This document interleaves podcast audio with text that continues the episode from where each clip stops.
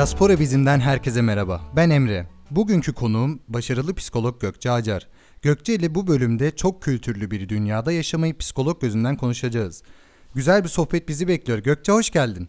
Hoş buldum Emre. Çok teşekkür ederim davetin için. Rica ederiz. Biz teşekkür ederiz Gökçe. İyi ki geldin. Gökçe Almanya'da doğdun ve akademisyenliğini burada ve iki dönem İstanbul Boğaziçi Üniversitesi'nde tamamlayıp şu an psikoterapist uzmanlığında eğitim almaya devam ediyorsun. Öncelikle bizlere biraz kendinden bahseder misin? Biraz kendini tanıtır mısın? Tabii ki e, tanıtırım ama öncelikle bir şey söylemek istiyorum Emre. Şimdi insanlar kendini tanıtırken her zaman isimleriyle başlarlar ve sonra işleriyle kendilerini tanımlarlar. Yani mesela işte adım Ayşe, mühendisim, kasiyerim, ne bileyim adım Mehmet, esnafım, doktorum, yöneticiyim falan. Yani kendilerini işleriyle nitelendirirler. Benim de merak ettiğim şey peki o zaman Ayşe'nin, Mehmet'in işi elinden gidince onlar kim? Yani demem o ki biz işimizden çok daha fazlasıyız ve tanıtırken e, beni ben yapan yani beni mutlu eden şeyleri anlatmayı unutuyoruz. Veya bizi mutlu eden şeyleri de bilmiyoruz. O yüzden bu sefer kendimi tanıtırken örnek de vermek istiyorum.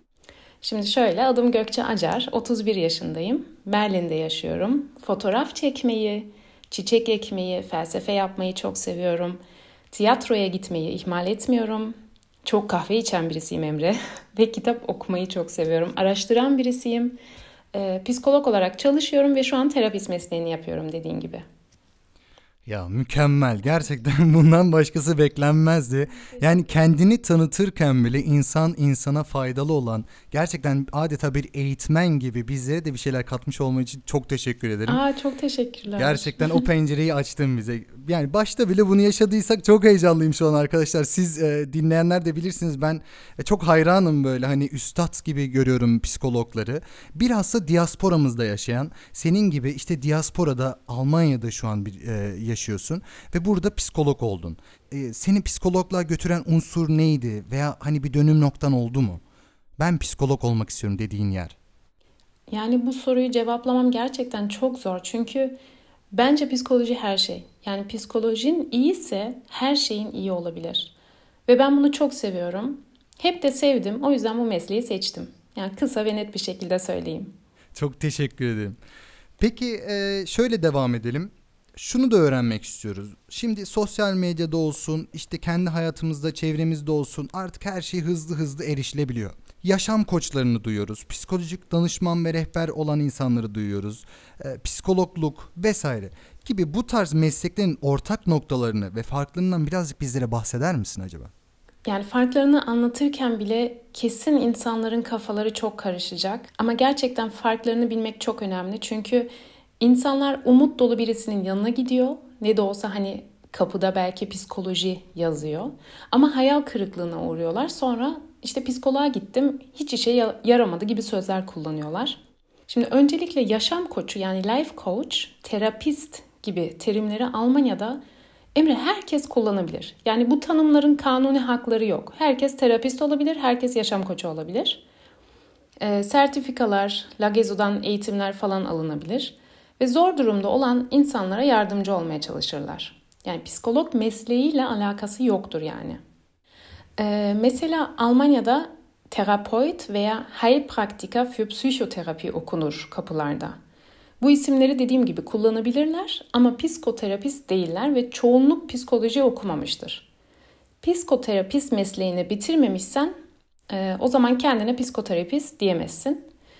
Ee, yani kanuni psikoterapistin kanuni hakları da vardır ve Almanya'da korunuyor. Yani eğer yolda yürürken bir kapıda işte psikologischer psikoterapeut yazmazsa o zaman bilin ki o insan psikoterapist mesleğini bitirmemiştir. Almanya'da psikoloji bachelor ile başlar. Bachelor'da temel modüller olur. Psikoloji ile ilgili genel bilgiler. Bachelor bitince maalesef hiçbir şey yapamıyorsun. Kendine psikolog bile demen yasak. Ağır cezası var. Çünkü psikolog master'den sonra oluyorsun. Master psikolog psikologlar psikolojik danışmanlığı yapabilir. Yani bir nevi yaşam koçudur ama psikoloji bilgileri çok fazladır. Ama terapist olarak çalışmak istiyorsan master'den sonra 3-5 yıl arası bir terapist mesleği yapmalısın. Yani gerçekten kafa karıştırıcı.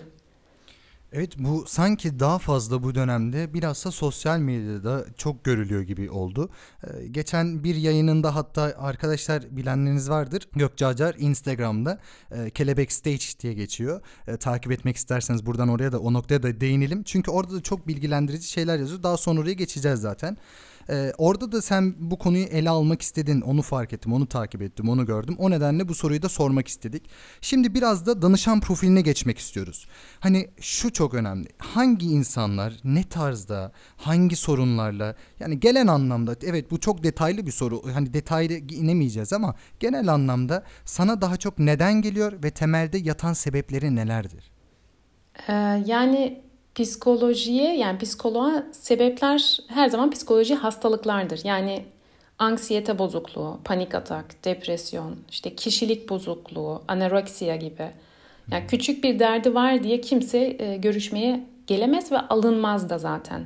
Mutlaka psikolojik bir rahatsızlığı olması gerekir. Ve çoğunlukta da e, kadınlar gelir. Çünkü araştırmaya göre adamlar çok geç kaldıktan sonra doktora gider erkeklik gururu, işte ben güçlüyüm düşüncesi ve birbirinden farklı çok daha nedenler vardır. Bu çok ilginç. Bunu bir gün ayrı bir sohbette seninle tekrar konuşabiliriz. Seve seve. Yani daha çok kadın danışanlarım vardır ve dediğim gibi psikoloji hastalıkları olması gerekiyor. Peki e, şu an diasporadasın buna değindik. Evet Almanya'da yaşıyorsun. Burada bir psikolog kimliğin var. Psikolog olarak insanlara faydalı oluyorsun, hizmette bulunuyorsun. Daha çok Türk mü veya Alman danışanların mı oluyor? Yaş, cinsiyet dağılımı. Hani oraya da bir bakabilir miyiz acaba? Orada da bize bir bilgilendirebilir misin? Ee, aslında bayağı bir karışık. Ama Türk ismini duyunca Türkler daha çok bana gelmek istiyor. Bunu zaten çok iyi anlıyorum. Çünkü kültürel arası, arası ilişkilerin ilişkilerini bana anlatırken işte acaba beni anlıyor mu sorusu oluşmuyor. Dolayısıyla da Türkler tabii ki Türkleri de seçmeyi e, istiyor. Bunu mesela kendi çevremizde de biliyoruz. İşte beni anlayan yok. Beni anlayan yok. E en beni en iyi anlayacak şekilde olan insanlar gerçekten hep dilden ibaret. O yüzden biz buna çok önem veriyoruz. Çok da bu yüzden hani diaspora bizim adı altında bu podcast'ı düzenledik. Çünkü dil gerçekten insanları birbirine bağlayan tek noktadır ve güçlü bir unsurdur. O nedenle e, kesinlikle inanıyorum ki sana daha fazla Türk danışanın geliyordur. Bir de şuraya bakalım. Bir pencere daha açmak istiyorum artık gerçekten şöyle dijital ve global bir dünyada yaşıyoruz. Sen de buna uyum sağlıyorsun. Seanslarını online bir şekilde gerçekleştiriyor musun mesela? Onu görebiliyor muyuz? Yani aslında terapiyi online yapmamız yasak Almanya'da. Yani sağlık sigortası kesinlikle karşılamıyor. Özele kaçıyor. Ama korona döneminde müsaade verildi. Ben de bu dönemde dijital imkanları tabii ki kullandım. Ee, ve danışanlarıma online terapiyi sundum. Bence gerçekten harika bir deneyimdi. Böylece çünkü insanlar kendilerini zor dönemde yalnız da hissetmediler. Ama kesinlikle benim için uzun vadeli bir şey değil. Çünkü e, yani danışanımın oturmasını, kalkmasını, dikkatini, işte hareketlerini bunları görmek istiyorum. Scenisches Verstehen denilen bir şey var. Yani sahneyi anla denilen bir şey. E, danışan odaya girer girmez başlar terapi. Yani nereye oturuyor, nasıl karar veriyor, odayı gözlemliyor mu e, vesaire bunlar ileriki seanslarda da çok önemli. Yani mesela narsist bir danışanım vardı Emre. Gelir gelmez karşımdaki sandalyeyi kaldırdı ve yanıma oturacak bir şekilde koyardı hep. Yani sen bana ne öğreteceksin? Kendini benden üstün görme gibi. Ve bunlar online mümkün olmuyor. O yüzden online'ı ben çok tercih etmiyorum. Dediğim gibi scenisches Verstehen yani sahneyi anla terapide ilk olaylar çok önemlidir. Ya ben bunu hiç bu pencereden bu kadar bakmadım. Gerçekten e, yani Gökçe çok önemli bir konu aslında ya. Biz gerçekten şunu hep düşünüyoruz. İşte daha çok kolaylaştı. Dijital ortam çok önemli. İşte artık zaten dijital global bir dünyada yaşıyoruz. Bunun peşinden gidiyoruz. Geç kaldık diye bazen söyleniyoruz. Ama biz bu noktaları gerçekten insan olduğumuzu bazen de unuttuğumuz oldu belki de bu pandemi sürecinde. Ve sen bunu tekrar çok güzel bir şekilde bilhassa e, seanslarınla örnek vererek çok güzel bağladığını düşünüyorum. Bir de şu soruyu sormak istiyorum. Bizim gibi yurt dışında doğup büyüyen gençlerin sürekli karşısına çıkan bir söylem var.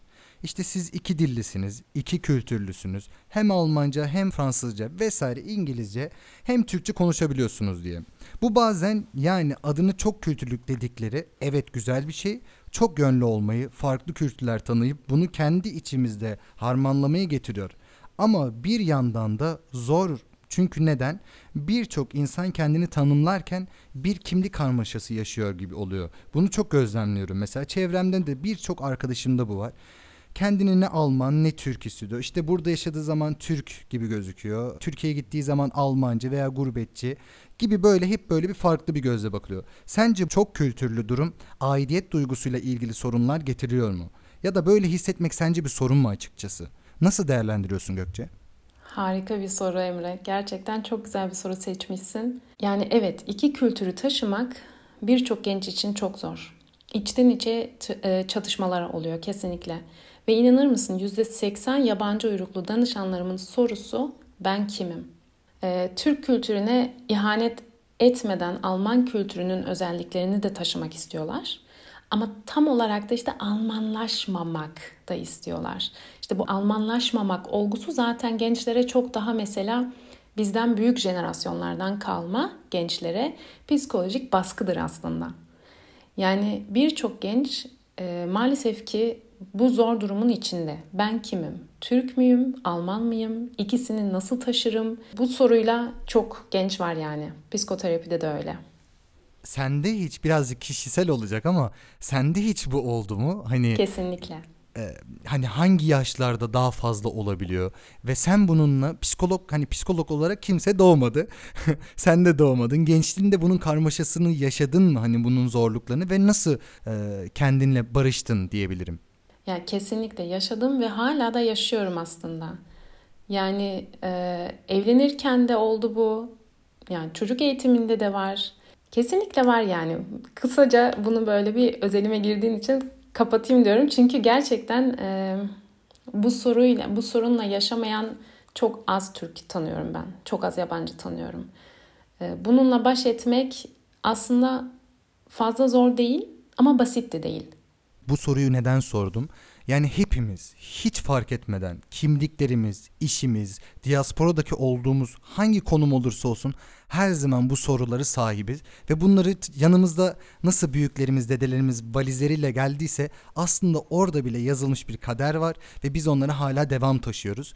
Ee, bunu hangi makamda olursak olalım hepimiz akademisyeni olsun, işçisi olsun, normal çalışan olsun, annesi olsun, babası olsun hepimiz bu soruları her zaman sormaya devam edeceğiz gibi gözüküyor sanki. Teşekkür ederim bu e, dürüstçe cevabın için Gökçe. Ee, bir şey daha sormak istiyorum. Tabii bu kimlik tek başına bizim ilgi alanımıza girmiyor. Yani yaşadığımız ülkelerde daha çok e, mesela daha çocuk yaşta kimliğimiz tamamlamaya mecbur kalıyoruz. Hani seni bir şekilde zorluyorlar. Bunu e, sorularla olsun. İşte daha kindergarten dediğimiz e, bir çocuğumuz akranlarımızda kimliğimizle ilgili sorular alışmışızdır. Hani Aa, sen neden Türkçe konuşuyorsun gibi. Çocuklarını her iki kültürün zenginliklerinde o bilinçle büyütmek isteyen ebeveynlere veya gelecek anne ve baba adaylarımıza ne gibi önerilerde bulunmak istersin? Yani Türk kültürü daha kolektif yani topluca düşünüyor. Alman kültürü ise daha bireysel. Bu durumda zaten iki kültür birbirine çok zıt. Yani mesela Türk kültüründe aile her şeydir ve aile bireylerini kötülemek veya erken yaşta evden ayrılmak ihanet gibidir. Alman kültüründe ise aile her şey değildir. Birey daha fazla öz bakımına değer verir. O yüzden benden ebeveynlere tavsiye ya iki kültür ne kadar da farklı ve zıt olsa da çocuklarına iki kültürün yan yana durabileceklerini öğretsinler. Yani karar vermek zorunda değiller. Hani bir trenin demir yolunu düşün. Gençlerin bir yaydan diğer yaya atlaması gibi. İki kültürün yan yana, iki kültür yan yana gidebilir ve duruma göre hangisi mantıklarına daha iyi uyarsa ona geçebilirler tam bir zenginlik gibi ifade ettin gerçekten ya. Hani tek ray sistemi gibi de gerçekten böyle hani dediğin gibi seçmek hep böyle bizi sanki bir şeyler zorluyormuş gibi. Artık kimsin, nesin, neden işte Türk müsün, Alman mısın, işte şu musun, bu musun sanki bir kılıfa herkes birisini koymak istiyor gibi. Ve ben buna çok değer verdim. Çok teşekkür ederim Gökçe ya. Gerçekten ben bize böyle hani ederim. güç verdin. Çünkü neden? Hani şunu belirtebiliyorsun. Çoğulculuk çok önemli bir şey ve bunun getirmiş olduğu zenginlikleri var Ve e, bunun bir psikologdan onaylanması gerçekten çok çok değerli bir şey. Şu an ebeveynler kesin anneler veya babalar umarım babalar da dinliyordur bizi bunu da söyleyeyim. E, şöyle şey düşünüyordur. Evet ya doğru aslında karar vermek zorunda değiller. Her iki kültürün de iyi tarafını alsınlar ve hayatlarını aslında insan olarak devam etmeye e, etmeye gayret etsinler. Bir de şunu bahsedeyim ben eğer izin verirsen Gökçe ben de birazcık kendinden bahsedeyim. Şöyle ben mesela ilk okulda şöyle bir durumla karşılaştım. İki tane e, bizim sınıfımızda çok Türk e, yoktu açıkçası. Daha çok Almanlarla büyüdük. İki tane arkadaşım yani arkadaşım dediğim o zamanlar beni işte mobbing dediğimiz beni e, gerçekten üzmeye çalışan sınıfta e, dışlayan iki arkadaşım sınıf arkadaşım benim çantamı alıp okulun işte bahçesine saklamışlar. Sonra 2-3 gün bulunmadı bu. Ben tabii çocukken travma yaşıyorum. Böyle üzülüyorum. Anneciğim diyorum işte çantam kayboldu. Yeni çanta alalım. Annem diyor tamam alacağız. Babam diyor evet oğlum alacağız ama öğretmenim yasak koydu. Ta ki ortaya çıkana kadar.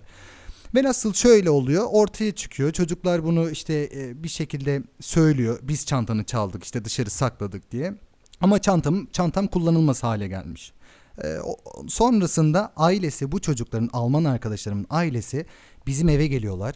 Ve gerçekten işte bu Taschengeld dediğimiz çocukların harçlıklarını alıp şöyle diyorlar. Emre bununla bu artık senin paran bununla yeni çanta alabilirsin diye böyle bir öğütte bulunuyorlar. Yani bize çok güzel bir ceste bulundular.